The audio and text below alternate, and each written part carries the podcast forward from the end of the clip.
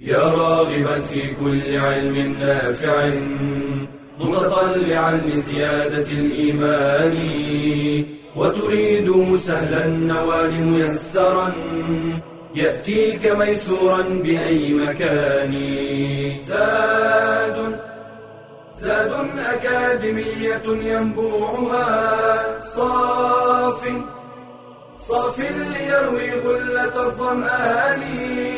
هذا كتاب الله روح قلوبنا. خير الدروس تعلم القرآن. بشرى لنا زاد أكاديمية للعلم كالأزهار في البستان. بسم الله الرحمن الرحيم. الحمد لله رب العالمين والصلاة والسلام على نبينا محمد وعلى آله وصحبه أجمعين. أيها الطلاب والطالبات والإخوة والأخوات. السلام عليكم ورحمة الله وبركاته. وحياكم الله في هذا الدرس من دروس التفسير في أكاديمية زاد وهو الدرس الثالث عشر. وكنا قد تكلمنا فيما سبق عن تفسير سورة النازعات وأن موضوعها الرد على منكري البعث. السورة التي تليها وهي سورة عبسة مكية إجماعا آياتها أربعون. سورة الصاخة وسورة السفرة وسورة الأعمى رضي الله عنه. كل ذلك تسمية بألفاظ وقعت فيها لم تقع في غيرها من السور أو بصاحب القصة التي كانت سبب نزولها. ما هي مقاصد هذه السورة وما هي موضوعاتها الأساس؟ تعليم الله رسوله صلى الله عليه وسلم الموازنة الصحيحة بين مراتب المصالح وعدم تفويت الأهم والأرجح الإشارة إلى اختلاف الحال بين المشركين المعرضين عن هدي الإسلام وبين المسلمين المقبلين عليه التذكير بإكرام المؤمنين وسمو درجتهم عند الله التنويه بضعفاء المؤمنين وعلو قدرهم والإشارة إلى خيريتهم وأنهم أعظم عند الله من أصحاب البطر والأشر. الثناء على القرآن وأنه محفوظ مصون من عبث العابثين. والاستدلال على إثبات البعث بخلق الإنسان وإخراج النبات والأشجار من الأرض الميتة. ثم الإنذار بحلول الساعة والتحذير من أحوالها وأهوالها وما فيها من ثواب المتقين وعقاب الجاحدين والتذكير بنعمة الله على المنكرين عسى أن يشكروه. فإن قيل لماذا جعلت سورة عبس بعد سورة النازعات؟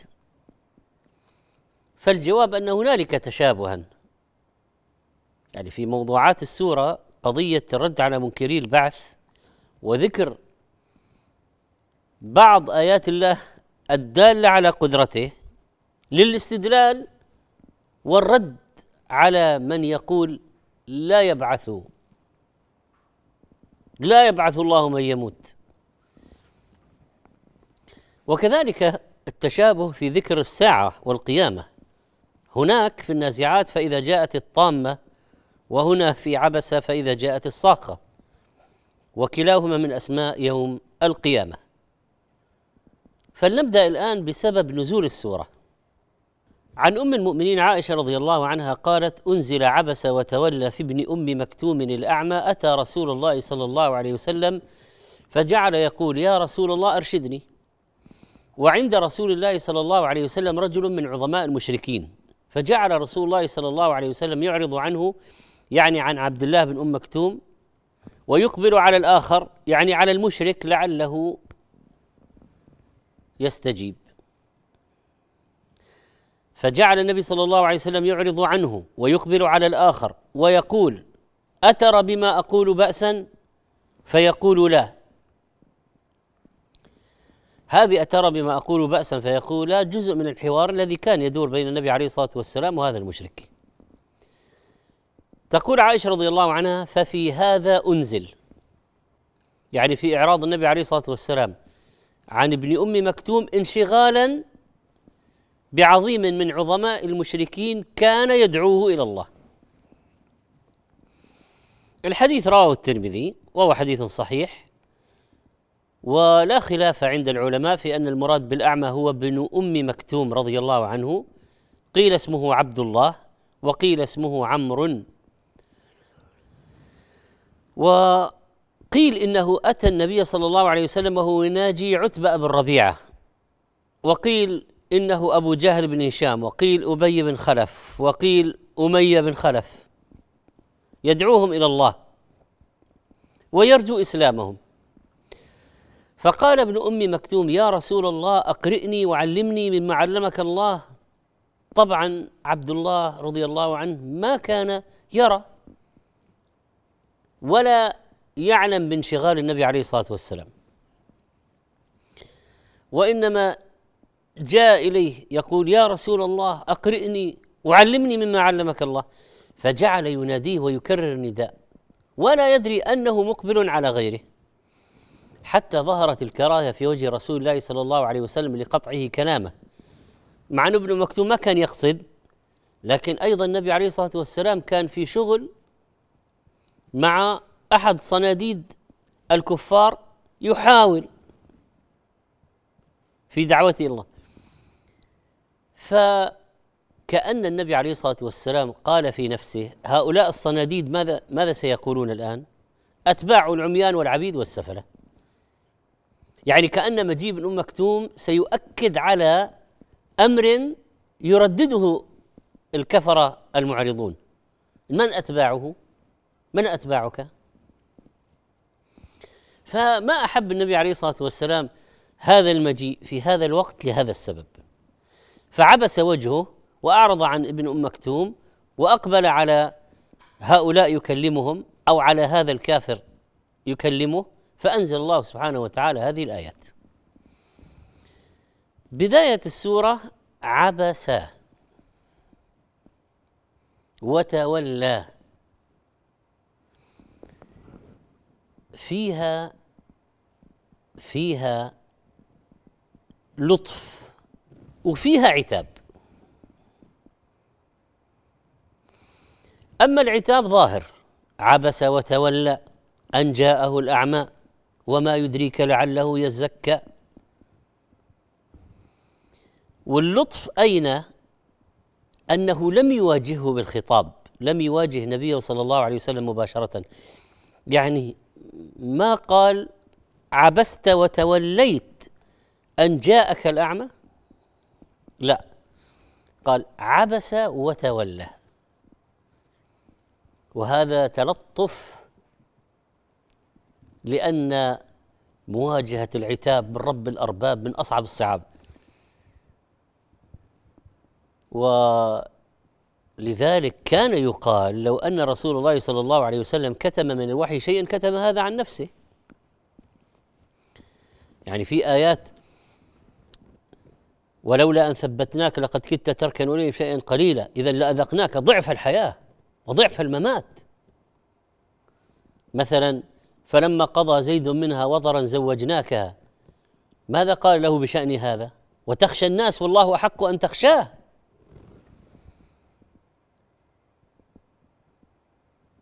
مثلا ولو تقوى على ولو تقول علينا بعض الأقاويل لأخذنا منه باليمين ثم لو قطعنا ثم لقطعنا منه الوتين. الشاهد أن هنالك آيات فيها صراحة وضوح قوة آه، حتى مع النبي عليه مع النبي صلى الله عليه وسلم. فيها عتاب فيها.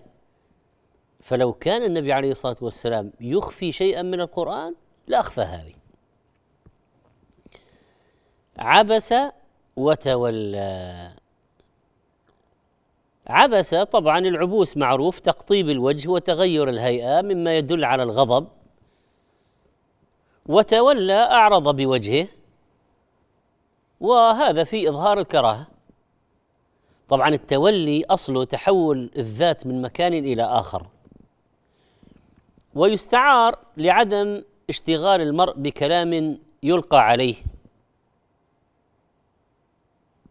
فهنا تولى يعني أعرض عن هذا القادم أو هذا السائل لم يقبل عليه تولى عنه. وقوله تعالى أن جاءه الأعمى أي لأجل مجيء الأعمى عبس وتولى.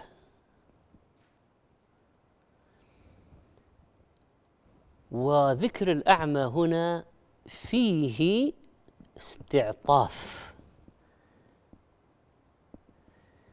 يعني هذا الأعمى كان ينبغي أن يتلطف معه ويقبل عليه ويولى الاهتمام وهو أعمى وقد تكلف وجاء بالرغم من أنه ضرير لا يرى فكان ينبغي اعطاؤه الاهتمام والأولوية وأن المفترض أن عماه يزيد التعطف والترأف ويحدث تقريبا له وترحيبه. وهذا هو آه، وهذا تأصيل للرحمة بالمعاقين وذوي الاحتياجات الخاصة. مزيد من التفاصيل حول هذه الآية وما بعدها بعد قليل إن شاء الله.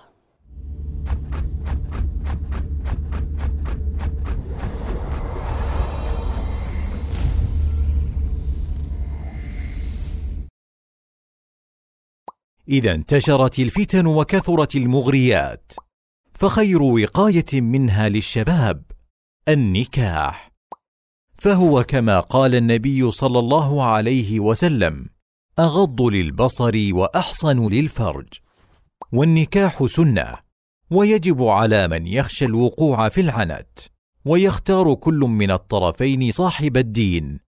قال صلى الله عليه وسلم للرجل فاظفر بذات الدين تربت يداك. وقال لولي المرأة إذا جاءكم من ترضون دينه وخلقه فأنكحوه. ومن أراد خطبة فتاة فله أن ينظر إلى ما يدعوه إلى نكاحها ولا يصح النكاح إلا بولي وشاهدي عدل ولا يجوز إكراه الفتاة على الزواج بمن لا ترغب فيه كما لا يجوز منعها من الزواج من الأكفاء ويحرم نكاح المحرمات بالنسب كالأم والبنت وبالرضاع كالمرضعة وأولادها وبالمصاهرة كزوجة الأب وأم الزوجة ويحرم نكاح المتعة وهو المؤقت والمحلل بأن يقصد تحليلها لمن طلقها ثلاثة والشغار بأن يجعل نكاح إحداهما شرطا لنكاح الأخرى وللزوج على زوجته.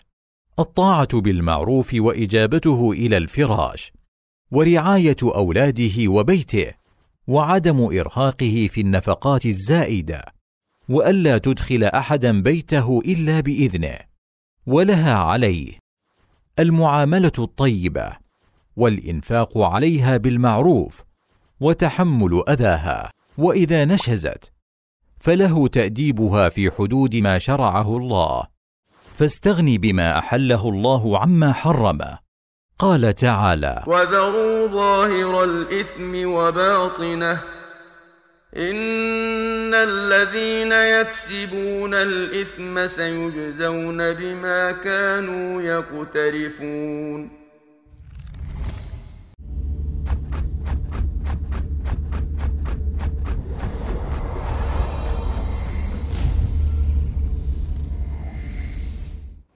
الحمد لله حياكم الله. عودة مرة أخرى ونحن في أجواء الآية عبس وتولى.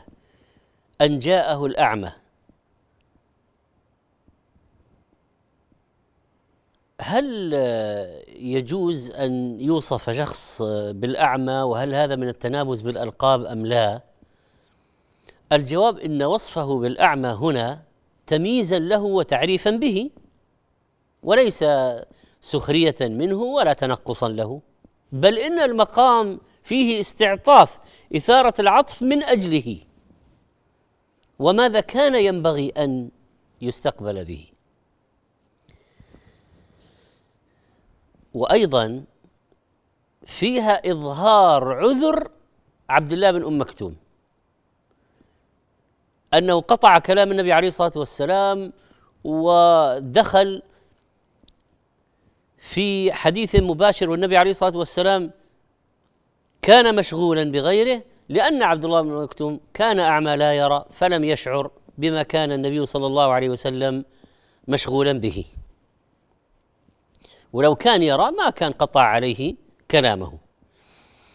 من ناحية أخرى جواز تلقيب الإنسان بوصفه إذا كان يميز به ويعرف به كالأعمى والأعرج والأعمش ونحو ذلك لا حرج فيه.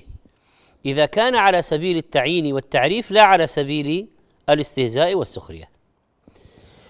أيضا الآيات هذه فيها الحث على الترحيب بالفقراء والإقبال عليهم في مجالس العلم وقضاء حوائجهم وإيلائهم الاهتمام وعدم تقديم الأغنياء والأقوياء عليهم فالفقير الضعيف يبتغى. إنما تنصرون وترزقون بضعفائكم.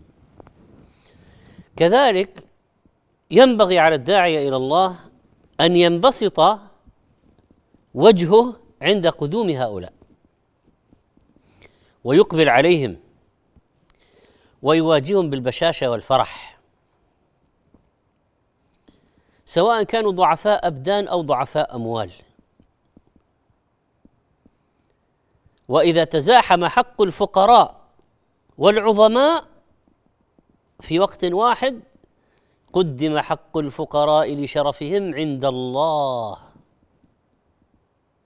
وقد كان للسلف رحمهم الله في هذا أدب حسن فروي عن سفيان الثوري رحمه الله أن الفقراء كانوا في مجلسه أمراء. عبس وتولى أن جاءه الأعمى وما يدريك يا محمد صلى الله عليه وسلم لعله هذا الأعمى القادم الذي عبست في وجهه. يزكى وما يدريك لعله يتطهر من ذنوبه بالعمل الصالح والانتفاع بما يسمع منك ويتطهر عن الأخلاق الرذيلة وتحصل له الزكاة في نفسه ويتصف بالأخلاق الجميلة ويتعظ. يزكى التزكية هذا الرفع لمستوى النفس النفس تسمو بالتزكية ترتفع. تتطهر من الدنايا وتقبل على الأمور العظام الكبار الجليلة. أو يذكر فتنفعه الذكرى. يعني يعتبر يتذكر يعمل يتعظ ينزجر عن محرمات. التذكر حصول أثر التذكير فهو خطور أمر في الذهن معلوم بعد نسيانه. تذكر. المعنى العام أنك تعرض عن هذا إعراض من لا ينفعه تعليمه وتذكيره ولا تدري لعله ينفعه التعليم والتذكير. فعليك أن تعلمه وأن تذكره. وهذه فائدة كبيرة وهي المقصودة من بعثة الرسل. طبعا المعنى السابق أشار له الطبري رحمه الله نقل في آثار السمعاني والقرطبي وابن كثير وغيرهم في التفاسير. الفائدة الكبيرة أن المقصود من بعثة الرسل ما هو؟ يعلمهم كتاب الحكمة ويزكيهم. ما هو المقصود؟ يعلمهم كتاب الحكمة ويزكيهم. وكذلك ينبغي أن يكون هذا هو عمل الوعاظ والدعاة إلى الله سبحانه وتعالى. فإقبالك يا أيها الداعيه على من جاءك بنفسه مفتقرا لما عندك من العلم أو لما عندك من الوعظ والتوجيه. ينبغي أن يقابل هذا الإقبال بإقبال آخر من عندك. الآن هو جاء مقبلا أقبل عليه. وأما تصديك وتعرضك للغني المستغني والجبار البطر الذي لا يسأل ولا يستفتي ولا يتأثر ولا يقبل ولا يرغب في الخير. فهذا غير مجد. وليس عليك ألا يزكى.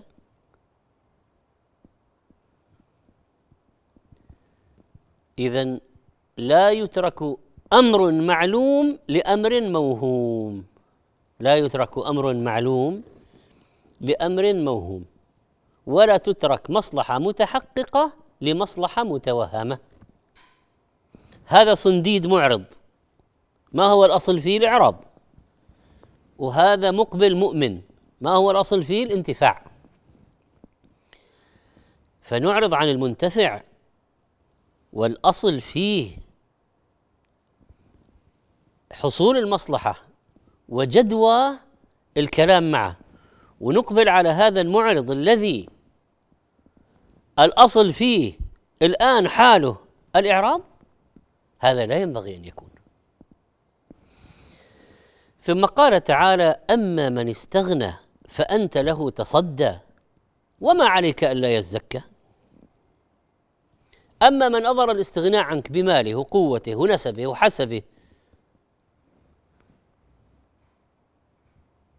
أما من استغنى عن سماع القرآن وعن الهداية وعن الموعظة فأنت تتعرض له وتقبل عليه وتصغي إليه. أما من استغنى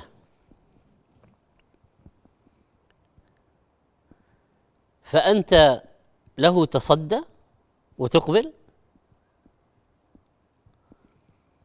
اذا أما من استغنى عن الإيمان والقرآن بماله وسلطانه وقوته وجبروته وطغيانه. فأنت له تصدى وما عليك ألا يزكى. يعني لو ما أسلم ولا تأثر وأعرض ورفض ولم يؤمن ولم يهتدي لن تحاسب أنت على ذلك.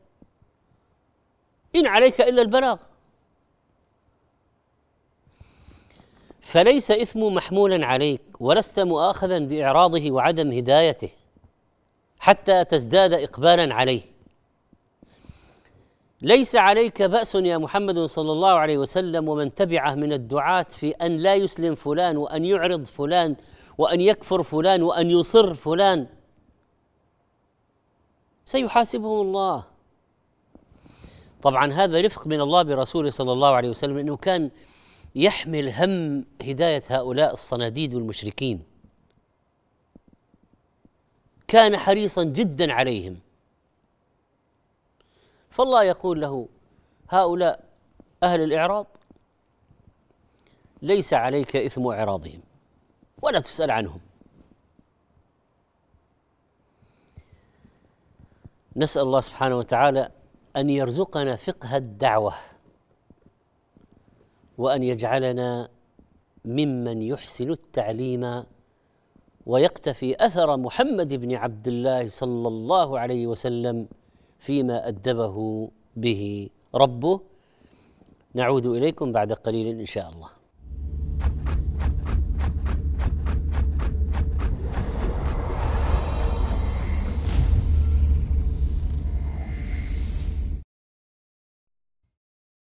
هل تريد أن تشتري سيارة وليس معك ثمنها؟ هل فكرت في شرائها بالتقسيط؟ ماذا يعني البيع بالتقسيط؟ البيع بالتقسيط هو بيع سلعة بثمن مؤجل يؤدى على أجزاء معلومة في أوقات معلومة مثل ألف كل شهر وهناك صور للبيع بالتقسيط من أشهرها صورتان. الأولى أن تشتري سيارة مثلا ممن يملكها سواء كان شخصا أو شركة على أن تدفع ثمنها مقسطا. كأن يكون ثمن السيارة نقدا خمسين ألفا وثمنها بالتقسيط ستين ألفا. فتختار الشراء بالتقسيط فهذا جائز لا حرج فيه. دليل ذلك عن أم المؤمنين عائشة رضي الله عنها قالت جاءتني بريرة فقالت كاتبت أهلي على تسع أواق في كل عام وقية. وكان ذلك بحضرة النبي صلى الله عليه وسلم وأقرها على ذلك. فهذا الحديث يدل على جواز تأجيل الثمن وسداده على أقساط. الصورة الثانية: أن تشتري سيارة ممن لا يملكها وإنما يدفع ثمنها إلى مالكها نيابة عنك على أن تسدد المبلغ له مقسطا مع زيادة كأن يكون ثمن السيارة في المعرض خمسين ألفا فتطلب شراءها من جهة فتقوم هذه الجهة بدفع الثمن خمسين ألفا للمعرض على أن تسدد لها ستين ألفا بالتقسيط. فهذا من الربا المحرم. لأن حقيقة هذا العقد أن هذه الجهة سواء كان فردا أو بنكا أو شركة قد أقرضتك قرضا ربويا بفائدة ولم تشتري شيئا في الحقيقة لنفسها ليصح بيعه لك. ولهذا لو فرض أن البنك اشترى السيارة شراء حقيقيا وقبضها لديه ثم باعها عليك بالتقسيط بثمن أعلى مؤجل بدون شرط سابق ملزم بالشراء فلا حرج في ذلك. فلا بد من توافر الشروط الآتية لشراء سيارة ونحوها بالتقسيط من البنك. أولا أن يشتريها البنك شراء حقيقيا بحيث تنتقل إلى حيازته ثم يبيعها بعد ذلك.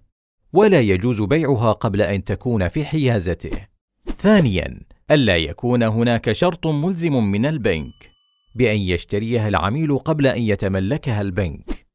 ثالثا أن يخلو العقد من اشتراط غرامة على التأخير في سداد الأقساط لأن ذلك ربا محرم. لكن يجوز للبنك أن يحتاط لنفسه برهن السيارة أو الاحتفاظ بوثيقة العقد والاستمارة حتى ينتهي العميل من سداد الأقساط. نسأل الله تعالى أن يفقهنا في الدين وأن يرزقنا الرزق الحسن وأن يكفينا بحلاله عن حرامه.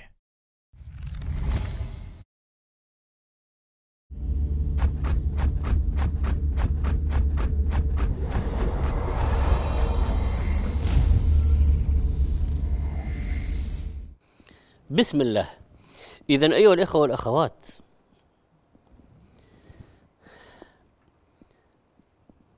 وأما من جاءك يسعى وهو يخشى فأنت عنه تلهى.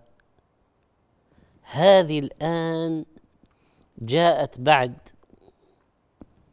ما ذكر إعراض المعرضين. اذا هذا في مقابل أما من استغنى فأنت له تصدى وما عليك ألا يزكى. ثلاثة مقابل ثلاثة. أما من استغنى فأنت له تصدى. وما عليك ألا يزكى. مقابلها ما هو؟ وأما من جاءك يسعى وهو يخشى فأنت عنه تلهى؟ إذا هذا تعليم من الله لنبيه صلى الله عليه وسلم وهذا من فقه الدعوة. وأن من جاءك يمشي يطلب الخير ويسعى في تعلم أمر دينه ويتقرب منك حبا لك ورغبة فيما عندك من الخير والهداية والعلم وهو يخشى الله. وقد تحمل المشاق ولم يمنعه فقد بصره من المجيء حرصا على دينه. فأنت عنه ترهى وتتشاغل وتعرض وتعبس وتنشغل بغيره. تلهى طبعا أصل التلهي التغافل. فسمى الله انشغال نبيه صلى الله عليه وسلم بالصنديد الكافر عن الرجل المؤمن الراغب تلهيا. ثم جاء التعليق على كل الموقف بالرفض بقوله كلا. لا يكون ذلك. كلا. هذه دعوة عظيمة جليلة كريمة رفيعة ينبغي أن تعطى لمن يستحقها ويقبل عليها ويقدرها حق قدرها.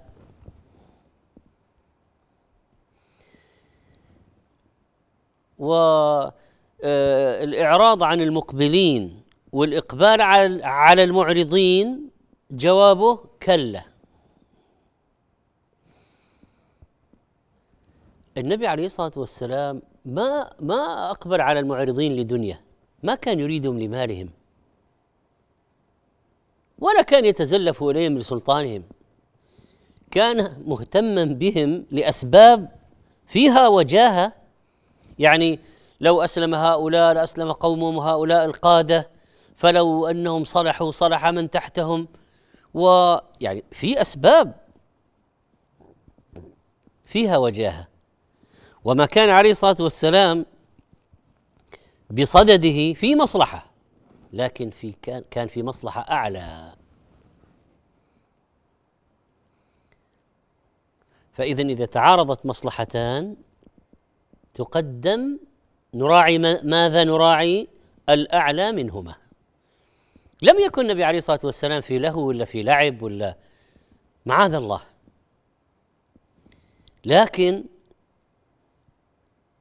كان مشتغلا أو اشتغل بشيء مصلحته أدنى. فجاء التعليم الإلهي أن أقبل على المصلحة الأعلى. والنبي عليه الصلاة والسلام مجتهد في موقفه أصلا. ليس عاصيا أو مصرا كلا. اجتهد يعني لما تعارض الأمران أن يقبل على هؤلاء لأن لعلهم إذا اهتدوا اهتدى من تحتهم ومن بعدهم. ومع ذلك مع ذلك الله سبحانه وتعالى قال كلا. طب هو قصد تألف الرجل الصنديد هذا؟ وابن أم مكتوم مؤمن وهو معنا ولعله وكله إلى ما في قلبه من الإيمان. كما قال إني لا أعطي الرجل وغيره أحب إلي منه مخافة أن يكبه الله في النار. ومع ذلك الله قال كلا.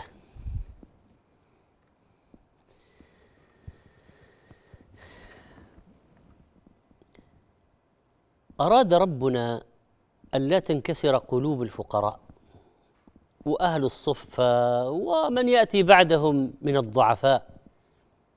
وأن يبين تعالى منزلة المؤمن الفقير عنده وأنه خير من الغني المعرض.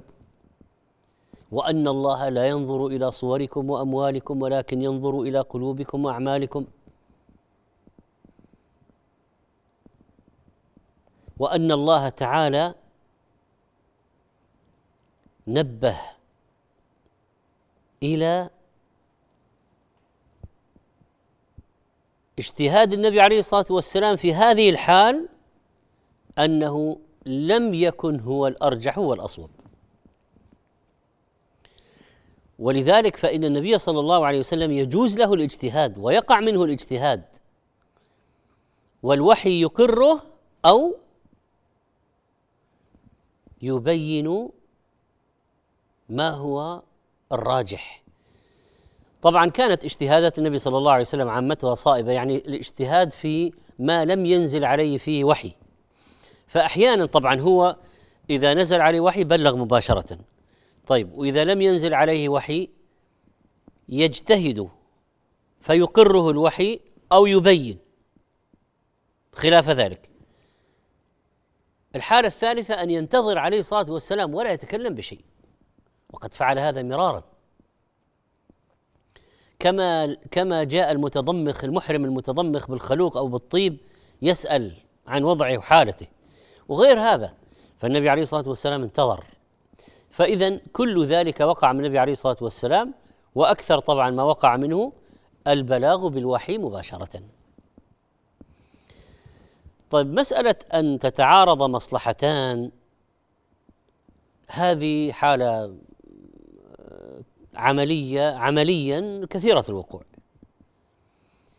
أه والاجتهاد فيها له مجال له مجال طبعا بلا شك. لكن نلاحظ هنا أن الله سبحانه وتعالى لا يقر رسوله صلى الله عليه وسلم على ما فيه مخالفة لما أراده عز وجل. حادثة مشابهة على ندرتها طبعا وقلتها أه، أسرى بدر. وأخذ الفدية من الأسارة. وكذلك في تأديب الله للبشر فإذا نبه النبي صلى الله عليه وسلم فغير من باب أولى. وهذه طبعا فيها للدعاة إلى الله دروس عظيمة. لا يكن همكم لا يكن همكم آه الإقبال على هؤلاء المعرضين إذا نازع هذا شيء أو لا. وفيه درس للدعاة في ترجيح ما ما رجحته الشريعة. وأن الأليق بالداعي إلى الله الإقبال على من جاء بنفسه مفتقرا للخير محتاجا إليه سائلا عنه مهتما به. وأما التصدي للمستغنين هؤلاء إضاعة وقت في كثير من الأحيان. مع ترك ما هو أهم هذا لا يمكن أن يقوم به الداعية إلى الله. نسأل الله سبحانه وتعالى أن يعلمنا ما جهلنا وأن يفقهنا في ديننا وأن يرزقنا تدبر آه، كتابه. ونسأله أن يحيينا على سنة النبي صلى الله عليه وسلم وأن يميتنا عليها فهو إمامنا وقدوتنا عليه الصلاة والسلام أستودعكم الله والسلام عليكم ورحمة الله وبركاته. يا راغبا في كل علم نافع متطلعا لزيادة الإيمان وتريد سهلا النوال ميسرا يأتيك ميسورا بأي مكان زاد زاد أكاديمية ينبوعها. صاف صاف ليروي غلة الظمآن. هذا كتاب الله روح قلوبنا. خير الدروس تعلم القرآن. بشرى لنا زاد أكاديمية للعلم كالأزهار في البستان.